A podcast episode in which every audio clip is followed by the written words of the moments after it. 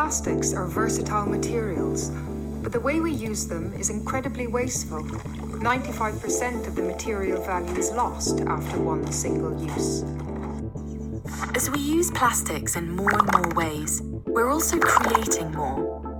But did you know that just 14% of global plastic packaging is recycled?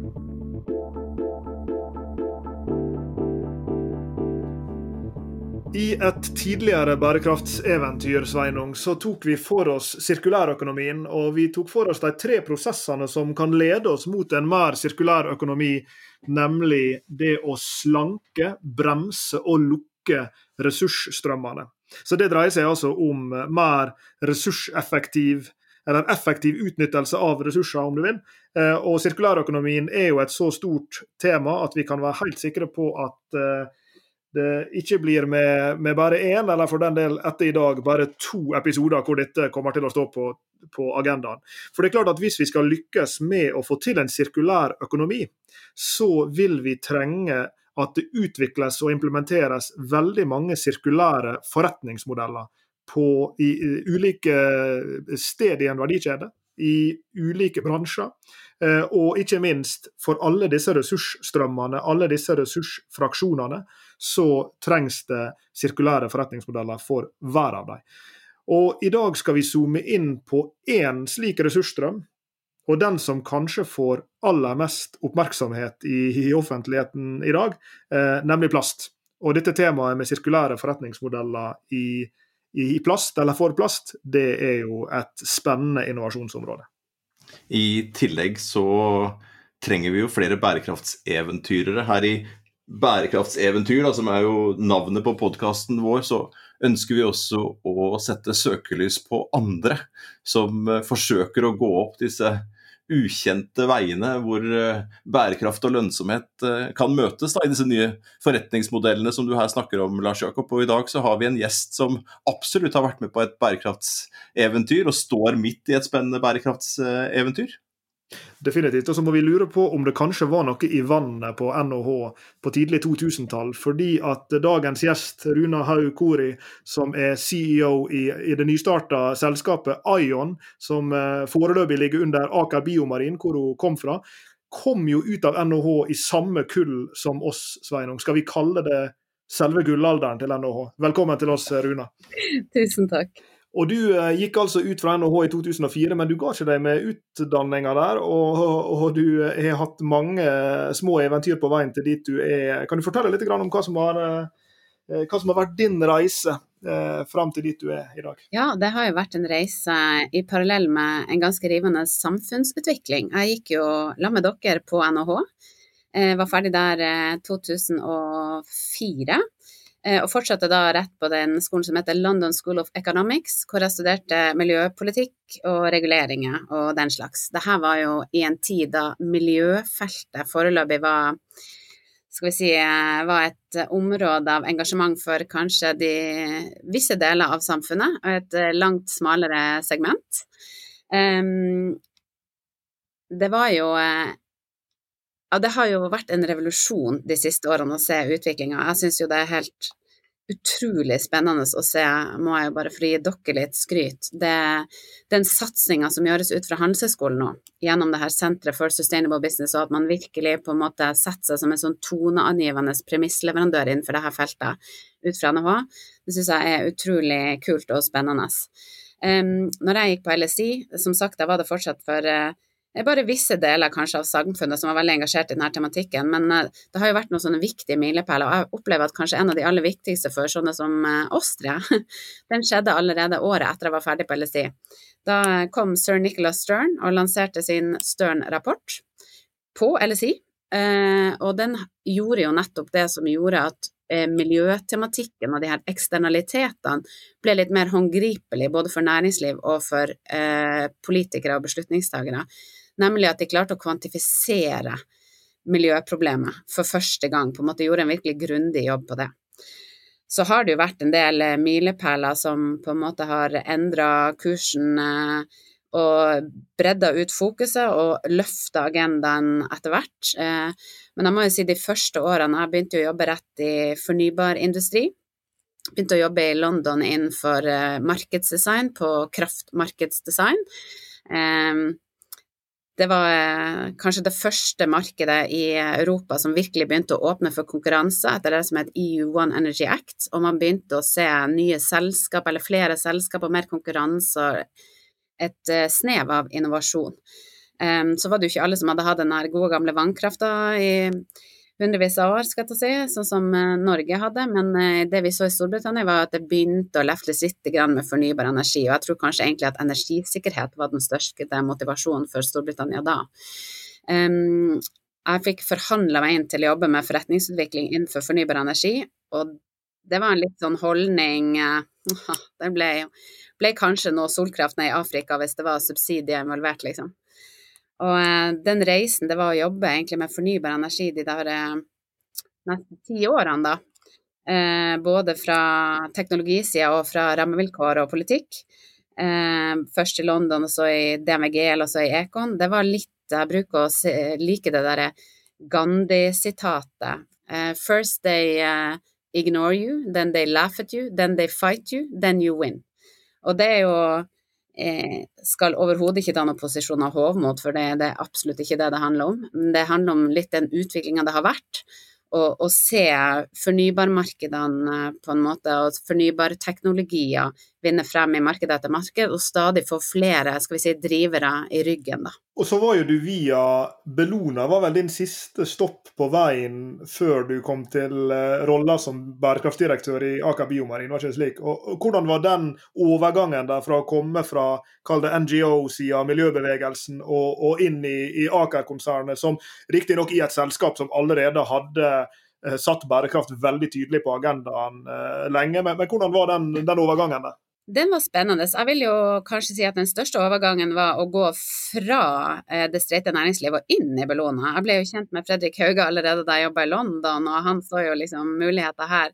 Og det gjorde jo jeg også. Og jeg beundra virkelig Bellona for det der eh, litt motet og på en måte um, Men det gikk jo mange år før jeg torde å ta det steget over. Uh, men det var utrolig lærerik tid å være i Bellona. Uh, Bellona var jo en organisasjon som veldig opererte i den skjæringa mellom marked, politikk og for så vidt media som et strategisk virkemiddel.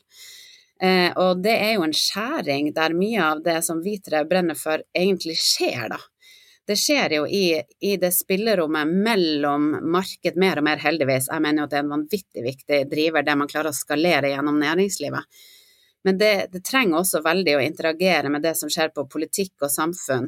Eh, og for så vidt liksom eh, hele, hvis man kaller at media der representerer litt sånn samfunnet for øvrig. Så det var veldig, veldig spennende tid. Og det her med å jobbe på eh, Å leite på en måte teknologiske løsninger på miljøproblemer. Eh, litt sånn systematisk, og ofte kanskje tenke og våge å tenke litt på tvers av sektorer, da. Og i hvert fall på tvers av verdikjeder. Det var en veldig spennende læring. Og så var det jo det å komme over i i Aker-systemet, da. Eh, og Aker eh, For det første var det jo veldig godt å komme inn i en faktisk verdiskapende bedrift. Kjenne at man driver det her liksom fra innsida. Eh, og så er jo Aker et system, industrielt system, som jeg opplever virkelig prøver å forstå de her nye markedene, prøver å forstå handlingsrommet, og som har en enorm satsingsvilje. Så Eh, det har vært eh, enormt eh, spennende å jobbe i et system som Aker over de siste par årene, hvor det har kommet helt nye drivere inn som jeg er sikker på vi blir å snakke litt om nå, men det er jo vanskelig ikke nevne det som kommer fra finanssida nå, kanskje, som skru, virkelig skrur til um, prioriteringer, løfter på en måte hele den her forståelsen av uh, bærekraftstematikken rett inn i, i kjernen av strategiske prioriteringer, opp i styrerommene opp i på en måte langsiktig planlegging på en helt annen måte. Vi har jo virkelig gått fra sånn compliance-tankegang til at det her handler om strategisk posisjonering. Det kan handle om til og med hvordan man um, strukturerer opp egne selskaper. Det har jo det har tatt en helt ny form, og det, det er veldig spennende å, å sitte, sitte, i midten av det her, da. Og i hvert fall i et såpass eh, kraftfullt og samtidig egentlig lettbeint system som, som Aker er, da.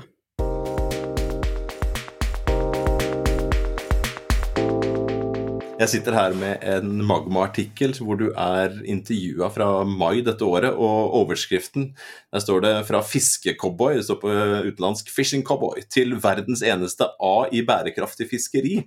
Eh, fiskecowboy Aker. Aker er et system, eh, kanskje et konsern vil noen kalle det. men hva er egentlig Aker? Altså sånn, sånn, hvis, en, hvis, en, ser litt fra denne fishing cowboy eh, gjennom utviklingen til det du beskriver nå, som er i eh, en, en, utvikling i en annen retning. Da. Hvordan vil du beskrive Aker, sånn at, eh, sånn at jeg forstår? Aker er jo et, et, stort system, men det er jo mer enn noe kanskje et, en virkelig eh, grundig og profesjonell industribygger.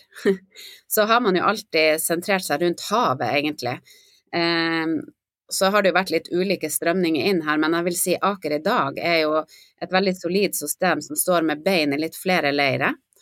Um, og den eh, delen som jeg er så heldig å få lov til å, til å jobbe mye med, er jo både det beinet som står innenfor uh, uh, Fiskeri er jo en del av Aker Biomarine sin verdikjede, men vel så mye er jo det å være en del av fremtidens uh, bærekraftige matforsyning fra havet. Eh, mat og ernæring fra havet. Eh, så har vi jo også innenfor Aker eh, det som heter Aker Horizon, som har blitt eh, vokst frem gjennom det siste året eller så, som jo veldig sånn systematisk tar den her industrielle kompetansen, erfaringa, med seg inn i nye fremoverlente segmenter. Så det er også, vil jeg jo si, en veldig viktig del av det her industrimastodonten Aker sin, eh, sin kjerne, da. Og Aker-universet, Runa, det, det, dekker jo mange ting. altså Fra Aker BP og Aker Solutions via Horizons, som du nevnte nå, Biomarin, som du har vært en del av. Og så er dere vel også inne i den digitale verden med, med Cognite osv. Eh, og så føles jo det litt sånn sett fra utsida for den eh, nær sagt ukyndige observatør da, at, at det blåser en slags grønn vind over hele Aker-konsernet om dagen. Er det slik at Opplever du det slik at det er en bevegelse i en liksom systematisk retning i konsernet som sådan? Er det slik at, at Aker er i ferd med å nær sagt gjenskape seg sjøl? Ja, det syns jeg egentlig. Jeg syns du ordlegger det veldig godt. Aker jo, bringer jo da en 180 år gammel industriell på en måte track record Eh, i bunn, eh, kobla med finansielle muskler som gir handlingsrom. Eh, jeg syns absolutt at Aker setter beina litt på nytt med, med seg den bagasjen som man har, men man også på en måte posisjonere porteføljen for å investere inn i måte de globale megatrendene som man ser, da. Eh, med det her eh, industrielle DNA-et veldig i ryggen. Det er jo det her med å forstå behovet for fornybar energi og grønn teknologi. Det har jo vært en spennende utvikling som eh, mange sikkert har lest mye om i avisen gjennom det siste året, eksempelvis. Gjennom de satsingene som Aker Horizons har lansert. Det har vært Aker Carbon Capture, det har vært Aker Offshore Wind.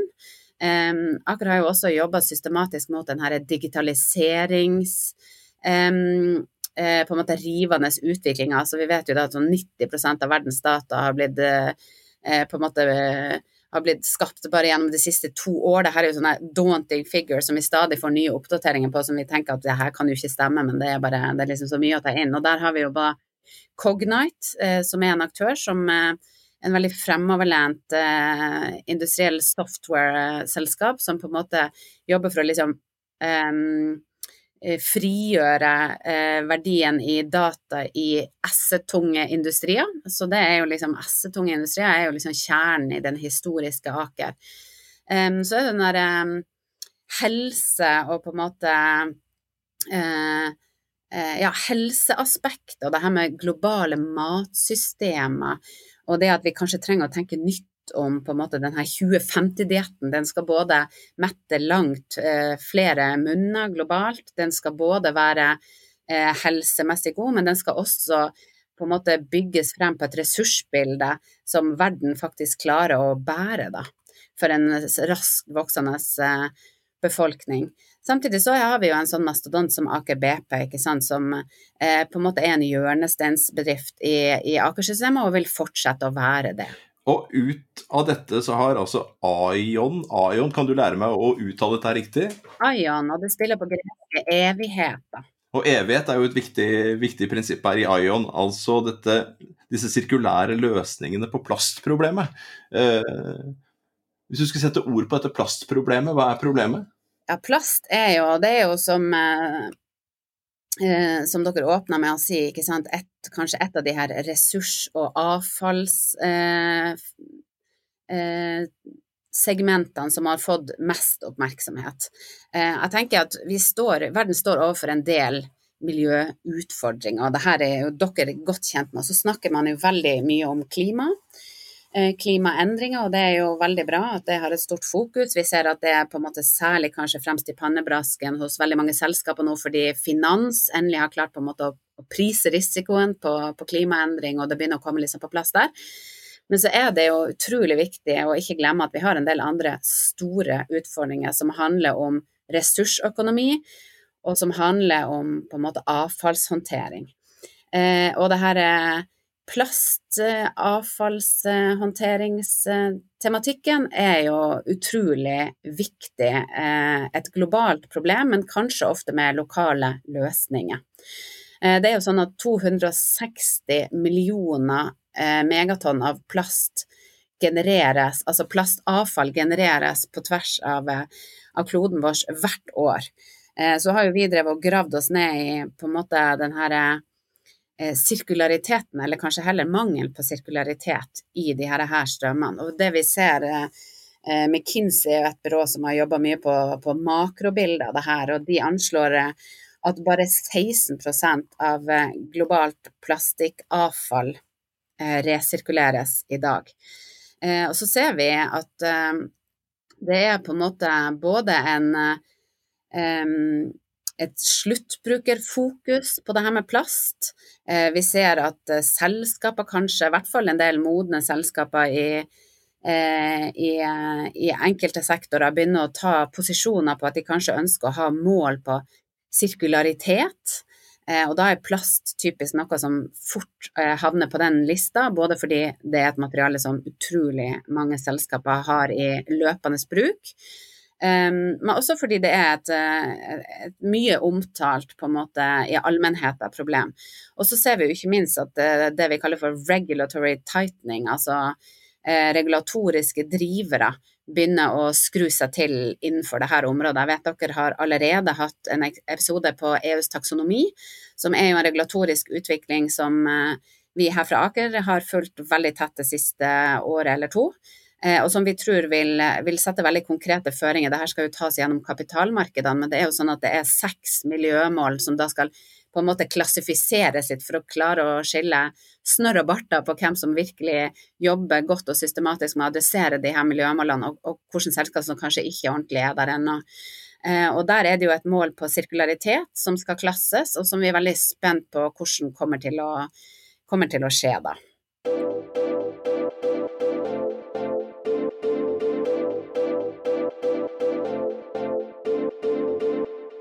Nå er jo det interessant da i, et, uh, i lys av eh, innramminga til denne episoden, da, som handler om sirkulære forretningsmodeller for å løse plastproblemet, så er jo det interessant å se hvordan Ion spinnes ut av Aker Biomarin. og Det var det vel en grunn til, bl.a. ved at grunnleggeren eller idéskaperen for dette selskapet er en ansatt i Aker Biomarin, sånn jeg har forstått det, og, og som, som, da fortsatt er med på denne reisen, selvfølgelig. Men, men jeg er jo litt interessert i liksom økosystemperspektivet her, da, altså forretningsmodelløkosystemet. For er det, er det, riktig å forstå dette her til dels som en, eh, eh som, slags, eh, som, en slags løsning for Aker Biomarin på at dere opererer jo i havet. Dere, dere nær sagt eh, Nå vet jeg hvordan eh, Eh, fiske av krill foregår i, praksis, om det minner om fiske av andre typer arter, om det vil være et plastavfall knytta til det, enten det er netting eller sånn fiskenett eller hva det måtte være. Det kan jeg nøyaktig null og niks om, så derfor spør jeg helt åpent.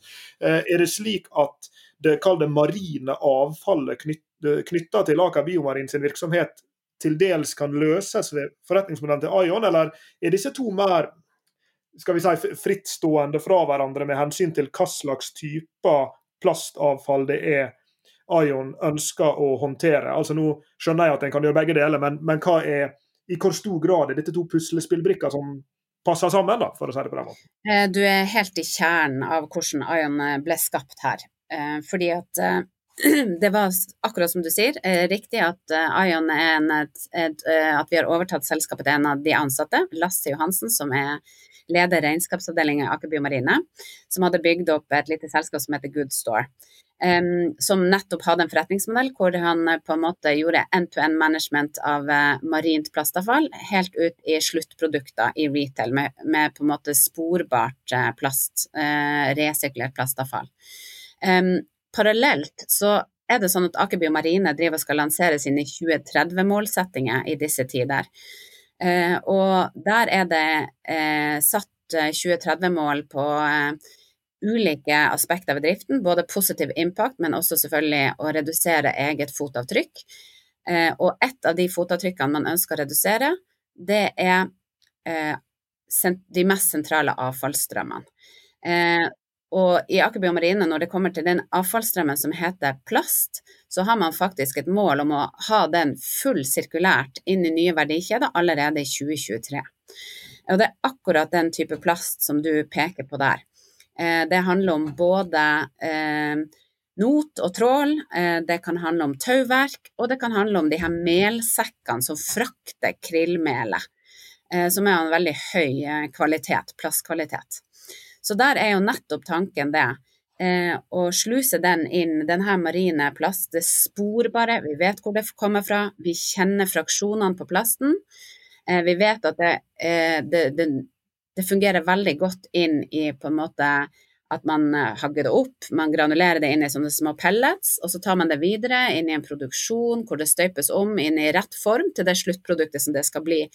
For noen på den andre sida av verdikjeden som da ønsker A å faktisk være en pådriver for å litt slanke hele denne ressursøkonomien rundt plast ved å ta i bruk resirkulert plast istedenfor å bare kjøpe inn ny eh, jomfruelig plast. Um, og ikke bare det at de da bidrar positivt til det, de får på en måte også en, en sporbar plast. Fordi det er jo sånn at det er mange fraksjoner og ulike kvaliteter i plasten. Og man ønsker jo å vite at du faktisk anvender inn en, en eh, plastkvalitet som er robust nok til det formålet du skal ha den til. Så Ion eh, har jo den koblinga mot eh, ja, typisk retail-kunder, Eh, ikke sant? Det er sånne eh, sluttprodukter som det er en grunn til at man har produsert det i plast. Plast er ikke et dårlig materiale, det er på en måte egentlig ressursøkonomien rundt plast man trenger å ettergå. Um, men denne plast, eh, eh, gode, robuste produkter som uansett ville blitt produsert, som like gjerne kan produseres i resirkulert materiale.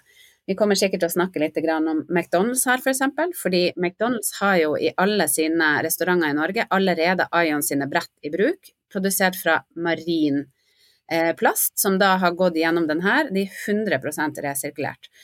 Eh, og er jo, mm, dere er jo litt sånn tankeledere på dette feltet, og jeg syns det er fornøyelig å lese og følge med på det dere skriver og sier. Eh, og denne ideen om at vi skal ta det her plastmaterialet og på en måte oppskalere det, sånn at vi faktisk ser at det kan forbli i bruk, og ikke bare brukes én gang også. Og det vi har sett med de her McDonald's-brettene, er at akkurat samme materialmasse kan vi gjenvinne fire ganger før vi trenger å tilsette noe mer annet resirkulert materiale en gang. Sånn at det her er på en måte robuste fraksjoner vi opererer innenfor. Um, og, og, vi ser et, et veldig potensial på å på en måte være en aktør som på en måte hva vi skal si, setter beina på ende til ende mellom de her eh, industriene, da, eh, i forhold til å, å skape en, eh, en, sirkularitet i, eh, i de, de verdikjedene. Har dere planer om å bruke andres plastavfall i tillegg, eller har dere nok plastavfall selv, og hvor er det dette her skal produseres? Fokuset er først og fremst på skalé, altså å sluse Aker Biomarine sitt plastavfall. Eh, det ser vi kommer til å gå veldig fort. Eh, sånn at ja, vi eh, sluser jo allerede på en måte gjennom de underleverandørene vi bruker, også andre marine plastavfallskilder. Oppdrettsnæringa er jo en opplagt eh, kandidat i Norge. De har mye plast eh, av samme fraksjoner som fiskeri stående i havet. Eh, de også, som Aker Biomarine, så vet vi at det er flere av de norske oppdrettsselskapene som har ambisjoner innenfor dette området, som kanskje ønsker å kunne vise til at ja, de vet faktisk hvor det, den plasten deres den går videre. Den havner A, ikke i havet, selvfølgelig, det er jo det aller viktigste. Så her er vi jo litt på, på en måte å lukke den der industrielle loopen før vi en gang får det der avfall i havet-problemet. Eh, fordi Ion kommer ikke til å plukke strender og på en måte legge seg på den modellen der. Vi jobber veldig sånn B2B industrielt, så vi ønsker å være med og, og liksom ta den loopen allerede fra avfallspunktet, det industrielle avfangspunktet, og så sluse det, eh, sluse det gjennom. Eh, så vi ser eh, helt klart at vi også ønsker å, å ta på oss andre avfallsstrømmer enn bare Aker Biomarine sin. Så spør du litt om, om, leddene underveis. Og der gikk vi jo ganske tydelig ut i lanseringa og sa at vi, vi, ønsker å være en litt sånn uh, teknologiagnostiker. Eh, vi har ingen planer om å gå inn i egne assets og kjøpe oss inn i eksempelvis egne resirkuleringsanlegg eller sånne ting. Og det er jo også en litt sånn uvant forretningsmodell for et Aker-selskap, egentlig. For eh, Aker er jo ofte veldig god på nettopp å, å eh, eie og utvikle infrastruktur, men i dette tilfellet så tror vi det at at en sånn, litt sånn partnerskapsforretningsmodell er veldig god, fordi at vi ser at det skjer veldig mye forretnings- eh, eller teknologiutvikling innenfor det å, å klare å resirkulere godt på, på, nye fraksjoner og på en måte det her, hele det her plastmarkedet globalt er jo et voldsomt fragmentert og litt kaotisk marked. Og det var jo også egentlig litt når Aker Biomarine sto der med den her eh, avfallsstrømmen sin. Vi visste det var god kvalitet på plasten, men det å bare komme til markedet og si vi har denne plastfraksjonen, er det noen som ønsker å kjøpe? det er på en måte det markedet, det finnes ikke. Så vi sa ok, da må vi sjøl jobbe alle de leddene til en strategisk kunde som McDonald's, som står der på andre sida og ønsker å være og bruke sin innkjøpsmakt til å faktisk få mer eh, resirkulert plast i omløp. Men La oss snakke litt om dette kundeleddet. for Du nevnte McDonald's her, og jeg skjønte at, at både Norgesgruppen og er det Varen her, er det riktig, som, som er blant, uh, blant kundene her. Uh, jeg, er jo litt, uh, Vi er interessert i, i, dette med plast, som du var inne på, som er jo et på et vis et kontroversielt en kontroversiell ressurs, på et vis. Altså, Plasten blir brukt veldig veldig mye, og, og for veldig mange jobber vi trenger å få gjort i livet vårt, så er plasten veldig veldig nyttig. Samtidig har jo plasten som du var inne på, fått et fryktelig dårlig rykte. og Jeg husker jo selv når eh, Vinmonopolet, som jeg sitter i styret for, begynte å, putte vin eh, på plastflasker, så ble det, ble det, storm hos mange av miljø-NGO-ene på, på, det. For hvorfor i all verden går en til plast? En bør jo gå fra plast. Og på samme måten når, når Hansa bryggerier her i, i Bergen, som, eh, som jeg i alle fall er en lojal kunde av, når de eh, bestemte seg for å gå fra eh, pappemballasje til plastemballasje på Eh, ølboksene sine når alle andre gikk motsatt vei, og de gjorde det med den eksplisitte begrunnelsen at CO2-avtrykket til, til um, plasten er så mye bedre enn til, til pappen, så derfor ville de gå dit. Opplever dere, eller for, for å stille spørsmålet åpnere, hva er responsen fra både eksisterende og prospektive kunder for dere her på det at dere nettopp skal selge produkt av plast? Så langt har det vært bare positiv respons. Det har vært veldig stor interesse. Eh, når vi gikk ut fra hoppkanten, så, eh, så var det mye positiv respons i kjølvannet. Bare sånn eh, for å snakke litt det der økonomispråket, så så vi f.eks. at Aker Biomarine sin aksje steg med 6,7% den dagen. Tilsvarer om lag 750 millioner millioner i, i, faktiske verdier, og så ble den jo ikke liggende der og, og akkurat sånn, da. Men vi opplever jo at det gir et signal om at markedet mottar en sånn her type forretningsmodell veldig godt. Eh, og så er jeg helt enig i det du sier, Lars Jakob, i forhold til at eh, plast er jo Altså det krever materialforståelse, og det krever på en måte en litt sånn systemforståelse å sette de her forretningsmodellene. Og så må man liksom bygge eh, de resonnementene godt, men jeg tror at eh, den veien må man våge å gå, da. Eh, og så må man heller ta de diskusjonene underveis. Um, og litt som vi sa allerede, plast er jo på en måte et materiale som av en grunn har fått den posisjonen i samfunnet. For det handler jo også om å møte en del funksjonelle eh, krav og behovet her. Og vi er jo veldig opptatt av å være en aktør som evner å eh, drive frem tankelederskap, forståelse, eh, opptak av modeller som på en måte klarer å mer liksom slanke hele ressursøkonomien rundt plass, og ikke minst prøve å sette på plass på en måte modeller som gjør at ikke plasten havner som et avfall i naturen. For der er det jo ingen tvil, og da er jo særlig ikke sant, marin plast. I Norge har det vært mye fokus på det her med Og det er jo helt reelt, jeg mener Sysselmannen i, i, um, i, i Tromsø tror jeg det var som gjorde en sånn kartlegging på hvor mye mengde av avfall eh, langs de tre nordligste fylkene som rak i land, som var plast fra marine næringer. Det var mellom 80 og 90% sånn at det er jo eh, helt klart eh, et tema eh, som man skal, eh, skal jobbe, fra, jobbe, på fra mange hold. Og det er jo nettopp det her, ikke sant, at det brytes ned i sånne her mikropigmenter som er, er, noe som er utrolig viktig. Så det her å close den der loopen før det blir til avfall på avveie, er jo utrolig viktig.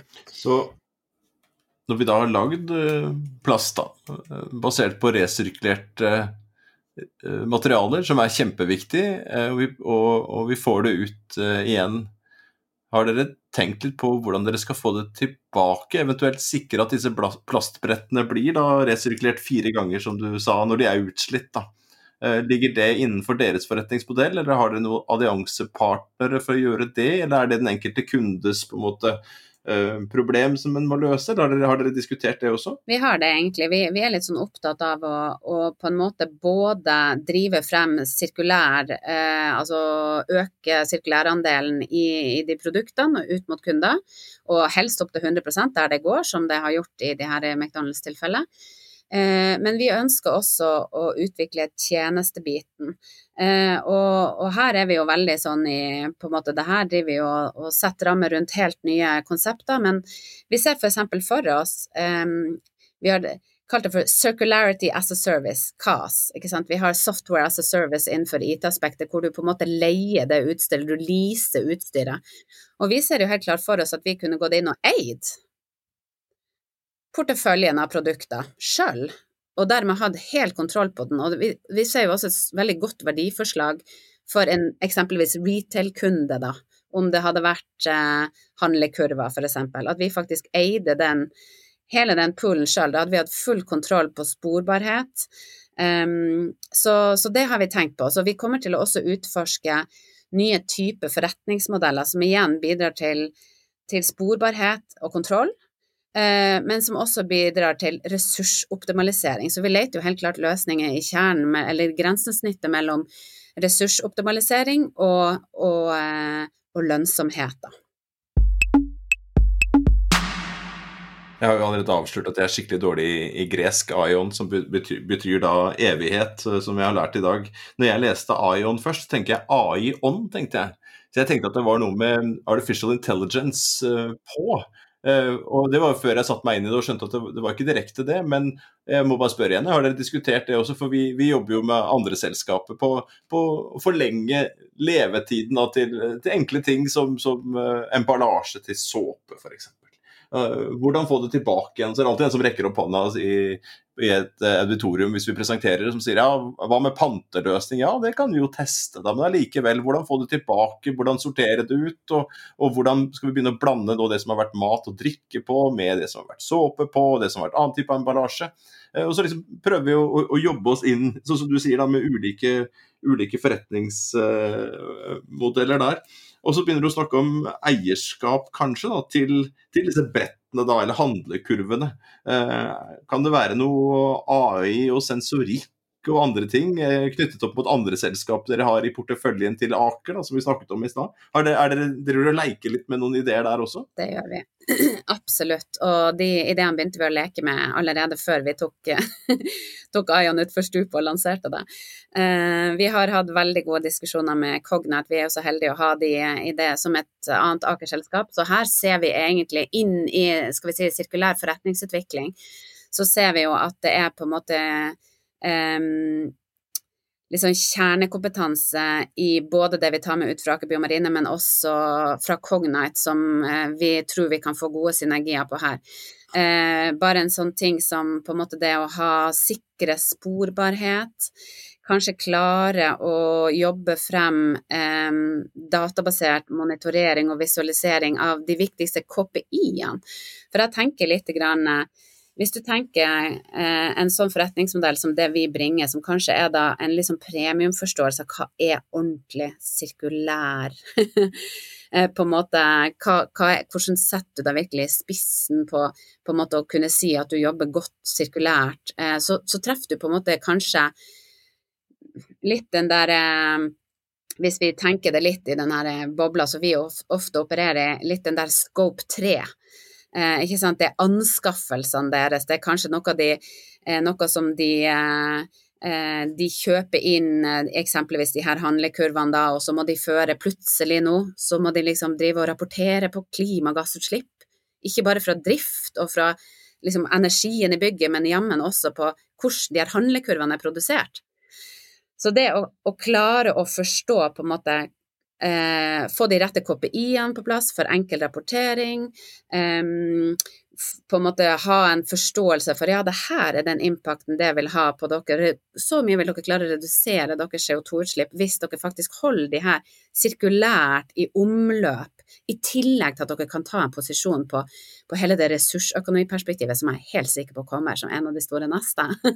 Også fra, fra, de der plagsomme, stadig mer plagsomme investorene og bankene som driver og ber om all slags kvantifiserte krav. Nå er ikke det sikkert at uh, disse investorene først og fremst setter seg i jeg skulle som sagt skoene til en pingvin, men en pingvin bruker vel ikke sko. Men la oss si at jeg var en pingvin eller en makrell som svømte rundt utenfor kysten av Uruguay eller et eller annet. Uh, hvor dere opererer sant, i disse farvannene. Så var du inne på for Det som vi snakker om nå, og som vi snakka om også tidligere, er jo nettopp dette presset som kommer. Ikke bare på dere, men også på de kundene som dere selger til, for, uh, gjennom f.eks. EU sin taksonomi. Og Du nevnte disse seks Eh, delmåler kall det delmåla i, i, den taksonomien, eh, og, og, at en da skal bidra positivt til minst ett, og så skal en ikke ha nevneverdig negativt fotavtrykk på, på, en av de fem andre, altså en skal på et eller annet rimelig nivå. da. Og, og da er jo det interessant å, å spørre seg, fordi at nå har dere tatt utgangspunkt i én altså ett type viktig fotavtrykk i det marine avfallet, nemlig plast.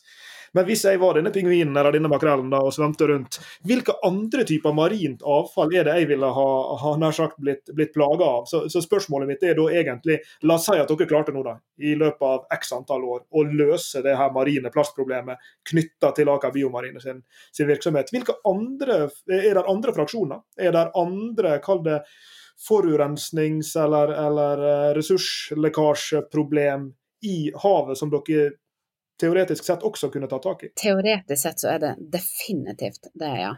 Eh, og det her er jo et stort og mangehoda dyr, eh, som i veldig stor grad egentlig handler om bedre avfallshåndtering. Og jeg tenker at, og det er jo også mange initiativer, sågar en del forretningsmodeller, som rett og slett bygger på på en måte det å eh, hente opp det som allerede er havna i havet, eller det som løpende havner i havet. Og jeg tenker at det utrolig viktig at man også har de forretningsmodellene. Fordi vi bygger vår forretningsmodell i så veldig stor grad på sporbarhet, så kommer vi faktisk til å være litt sånn laserfokusert på å gå på eh, industrielle eh, på en måte avfallskjeder hvor vi tar ting før de havner på avveie.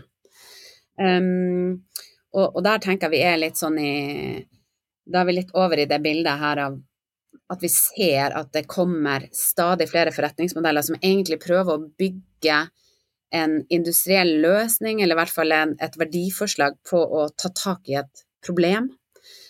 Eh, og det er, det er en utrolig positiv og en helt nødvendig strømning. Hvis jeg kunne stille et spørsmål om der dere står Nå er dere selvsagt i en altså relativt sett en oppstartsfase, da, selv om dere vokser jo selvfølgelig ut av et, et eksisterende foretak med både nær sagt finansielle muskler, kompetansemuskler og, og massevis av ressurser. Men, men, dere er jo likevel i en slags oppstartsvirkelighet for denne forretningsmodellen og, og, og dette beinet av Aker Biomarine. Hva er det som er de store utfordringene som dere ser foran dere nå for å virkeliggjøre denne forretningsmodellen? Hva er det liksom som må, som må løses for, for, at dette her skal, skal lykkes sånn ordentlig og bli, akkurat som du sa, industrielt skalerbart, at dere kan betjene massevis av kunder, at dere kan håndtere store mengder plast både fra det marine avfallet og, og, for den del fra, fra andre kilder til, til, plastavfall. Hva er det som liksom er puslespillbrikkene som du som CEO nå framover må, må, føle deg trygg på at dere får, får, lagt ut på brettet? Jeg tror det er Det er jo selvfølgelig flere dimensjoner, og det, det er absolutt oppstartsfase og armer og bein. Eh, ekstremt takknemlig å få drive denne fasen fra innsida av et sånt her system. Men likevel, det er mye vi, vi setter beina på. Jeg tror kanskje en av de største usikkerhetene, det er rett og slett å spå litt i hvordan dette markedet blir å utvikle seg. Eh, fordi at det skjer så mye utvikling. Eh, på en måte, vi er jo nå Vi opererer jo innenfor to segmenter. Eh, PE og PP for de innvidde. Og og vi opererer innenfor det vi kaller for mekanisk resirkulering. Og så, for de som følger dette området, så skjer det utrolig mye nå, også innenfor pyrolyse. Man utforsker muligheten til å kunne ta mye mer fraksjoner, på en måte å kunne eh, bryte det kjemisk ned og resirkulere på en helt annen måte. Um, allerede, eller ikke allerede, jeg får si fortsatt, er vi jo i en situasjon globalt, selv med den, de regulatoriske innstrammingene vi ser som kommer, så mangler jo insentivene i markedet til å prioritere eh, og faktisk kjøpe inn resirkulert fremfor eh, jomfruelig plast. For, og det her handler jo litt om oljepris og alle sånne ting òg, men det er fortsatt mye billigere å velge jomfruelig plast. Eh, sånn at det og vi tror at det kommer til å skje utrolig mye i dette markedet de neste par årene. Hvis ikke hadde vi jo heller ikke lansert Ayan ut av et, et sånt system som er vant til å til å spå godt i, i store markeder. Um, men, men det, det, er liksom det å på en måte å sette Sånn som nå jobber vi jo veldig på meisle femårsplan og i hvert fall én eh, til toårsplan, på en måte. Verdiforslag ut i ulike markedssegmenter. Og, og, man må tåle å spå litt i et litt sånn usikkert eh, landskap. Da. Så tenker jeg også det at vi, vi ønsker å bringe noe helt nytt her. Og vi tror virkelig på det vi bringer. Og vi ser at når vi går i møter med kunder, så så blir det veldig positivt mottatt. Men jeg, jeg tenker jo litt som du, Dere spurte overgang fra det å komme til, fra Bellona inn her, da. Jeg tenker jo du, du må liksom tåle å stå i og tro på noe som du bare må bevise før de andre tror på det, på en måte, lite grann, da. Eh, og det, det, tenker jeg for mange som opererer innenfor det her spacet. Man må våge å, å spå litt i fremtida, og så sette en løsning. Og så gå opp det løpet, og stå i det. Og så, og så siger det på, liksom.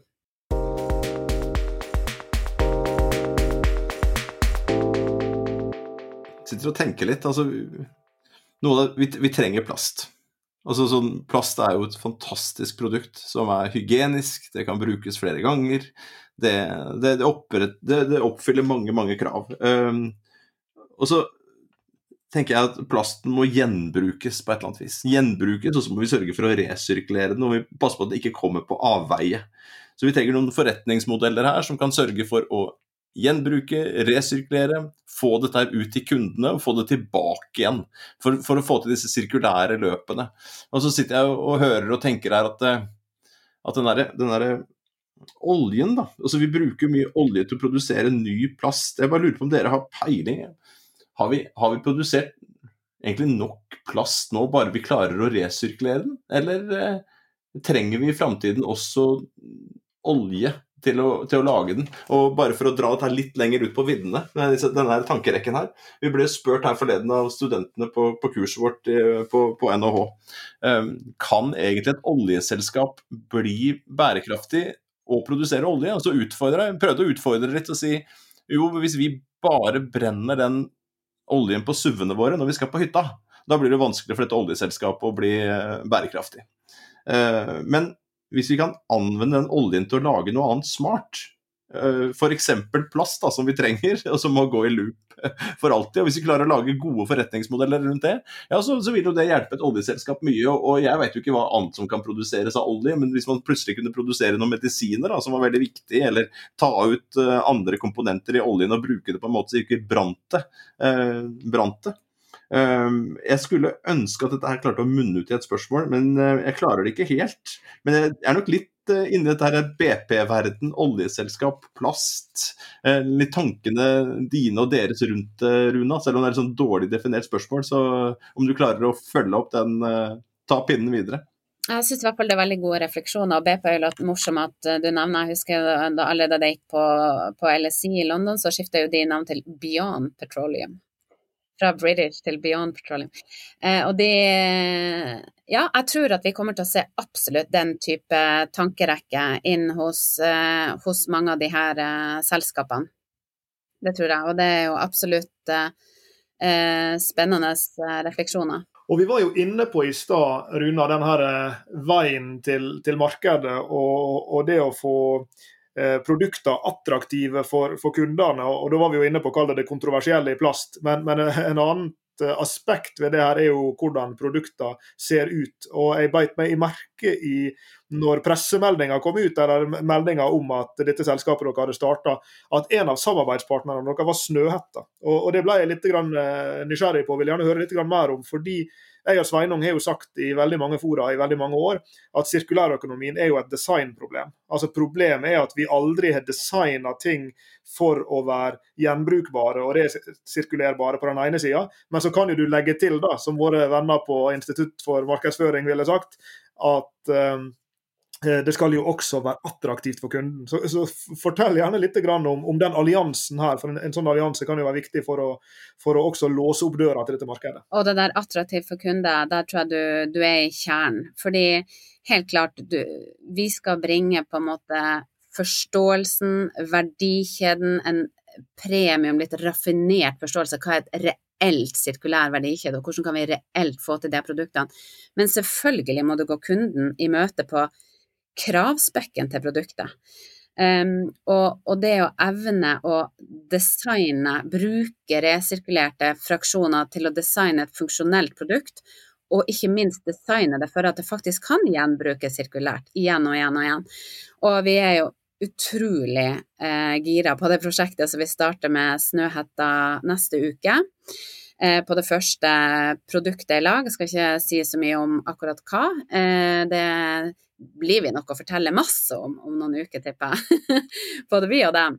Men eh, det å få jobbe med, ja, for de som har vært eh, litt operert i det her eh, sirkulære og på en måte produktdesignspace så er det jo Stian Rossi og den gjengen der som da har jobba frem eksempelvis denne stolen som fikk utrolig mye oppmerksomhet nasjonalt i fjor. Hvor både materialet var lokalt, hadde en lokal verdikjede, var 100 resirkulert fra havplast, men de også gikk inn og, og, og liksom designa det i hop med resirkulert materiale i stolbeina. Det var jo da eh, Jeg tror det var stål eller om det var aluminium. Eh, og eh, jeg tror at det, for oss i hvert fall, så er det en veldig viktig del av hele på en måte produkt- eh, eller verdiforslaget som Ion bringer med til bordet, og, og, vi gleder oss til å jobbe med Snøhetta på det her. Jeg tror jo det at Litt sånn som vi toucha innom tidligere, da Lars Jakob, det her med at materialforståelse eh, Altså det er, det er, en del fraksjoner og kvalitetsføringer å, å, sette seg inn i, og det skal være funksjonelle produkter. Og som jeg allerede har nevnt en gang, så ser vi det at eh, nå når vi har testa oss, både pilotkunder og i de her og mye omtalte brettene hos McDonald's, da, det å bruke resirkulert materiale når design er god, så fungerer det vel så bra. Det er like robust som jomfruelig plast. Og det er jo utrolig viktig læring som man blir å gjøre seg, tenker jeg, produkt for produkt. Og så må man liksom da bare jobbe seg frem eh, og, og, og, spise den her elefanten eh, litt sånn bit for bit. Eh, og det å få lov å kunne trekke, trekke med sånn kompetanse som Snøhetta inn i den tenkinga, det tror jeg det er en veldig viktig del av verdiforslaget vårt. Da Da jeg og Lars Jakob eh, skrev 'Ansvarlig og lønnsom' sånn 2012-2013, da, da lette vi fælt etter eksempler, eh, Lars Jakob. Det var ikke så lett å finne gode eksempler på bedrifter som forsøkte å gjøre dette her i praksis. Vi hadde jo noen Selvfølgelig, boka eh, har jo flere eksempler, og det er jo flere gode eksempler også. Og vi har blitt utfordret mange ganger. så Fins det egentlig bærekraftige forretningsmodeller? Fins det, det, virkelig bedrifter som er både bærekraftige og lønnsomme? Og så har vi prøvd da å si det at uh, vi må være litt tålmodige. Vi må skynde oss men vi må gjøre det litt langsomt. Og vi må gi bedrifter eh, tid til å Og kanskje også amnesti til å gå ut og si at jo, vi har vært en del av en, et problem, en del av en utfordring. Eh, og så må vi få kunnskap om den type forretningsmodeller, vi må få kunnskap om hvordan vi skal tenke nytt om miljø, nytt om dette sosiale, nytt om økonomi. Eh, og så har vi sagt det at eh, la nå dette her springe ut og etter hvert som vi får mer kunnskap og endrer reguleringene, og, og, og bedriftene våger og også skjønner at her er det lønnsomme muligheter. Eh, så, så, er det jo spennende, da, vi, hvis vi skulle begynt på en bok nå, Lars Jakob, og det, det skal vi jo også, med, med nye eksempler. Eh, altså Vi skal skrive en, en, bok som heter 'Innføring i bærekraftig forretningsutvikling' eh, de neste år eller to. Eh, og eksempler som dette, da, selskapet uh, og den type reisen som vi har fått til å vært med på i dag, uh, hvor et selskap med et industrikonsern da, har sett at ok, vi har et problem internt, vi har en del plast internt, og det er et problem der ute som vi må løse. Og så hører vi, og vi har fått høre i dag, det er et selskap som, som, som går inn og, og begynner å teste.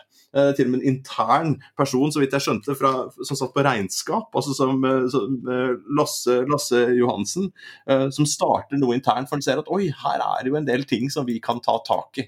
Og så ser vi nå i dag en sånn historie hvor dette her skaleres opp man får eh, industrielle kunder, man, man, hører ord som McDonald's, og vi har vært innom andre bedrifter som også skal kjøpe produkter her. Og så ser vi da utviklingen av den type forretningsmodell hvor, hvor sirkularitet skal kunne kjøpes som en, en, tjeneste. Jeg har hatt en eh, fryktelig spennende det har vært veldig spennende å høre på dette her i dag, eh, Runa, med deg.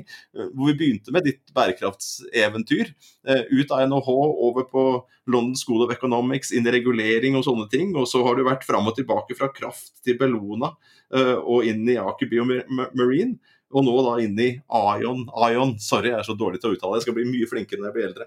Ion, eh, som da eh, utforsker dette her og, skal gjøre det i praksis. Eh, og Da tenker jeg tilbake der jeg starta dette avslutningsresonnementet, at her er vi jo nedover på den Vi er jo på den, i den bevegelsen av hvor selskaper nå identifiserer disse problemene og lager eh, forretningsmodeller og jobber på ulike måter for å, å, å, gjøre de både lønnsomme og bærekraftige over tid. Så tusen, tusen, tusen takk, eh, Runa, for at du tok deg tid til å være med oss i dag, og lykke til med dine framtidige bærekraftseventyr. Tusen takk. Du har hørt på Bærekraftseventyr med Jørgensen og Pedersen. Send e-post til eventyr krøllalfa jorgensenpedersen.no for å stille oss spørsmål eller komme med forslag til tema for fremtidige episoder. Og besøk jorgensenpedersen.no for mer informasjon om denne podkastserien. Derfra kan du også fortsette samtalen med oss i sosiale medier på Twitter, Facebook, LinkedIn, YouTube og andre steder.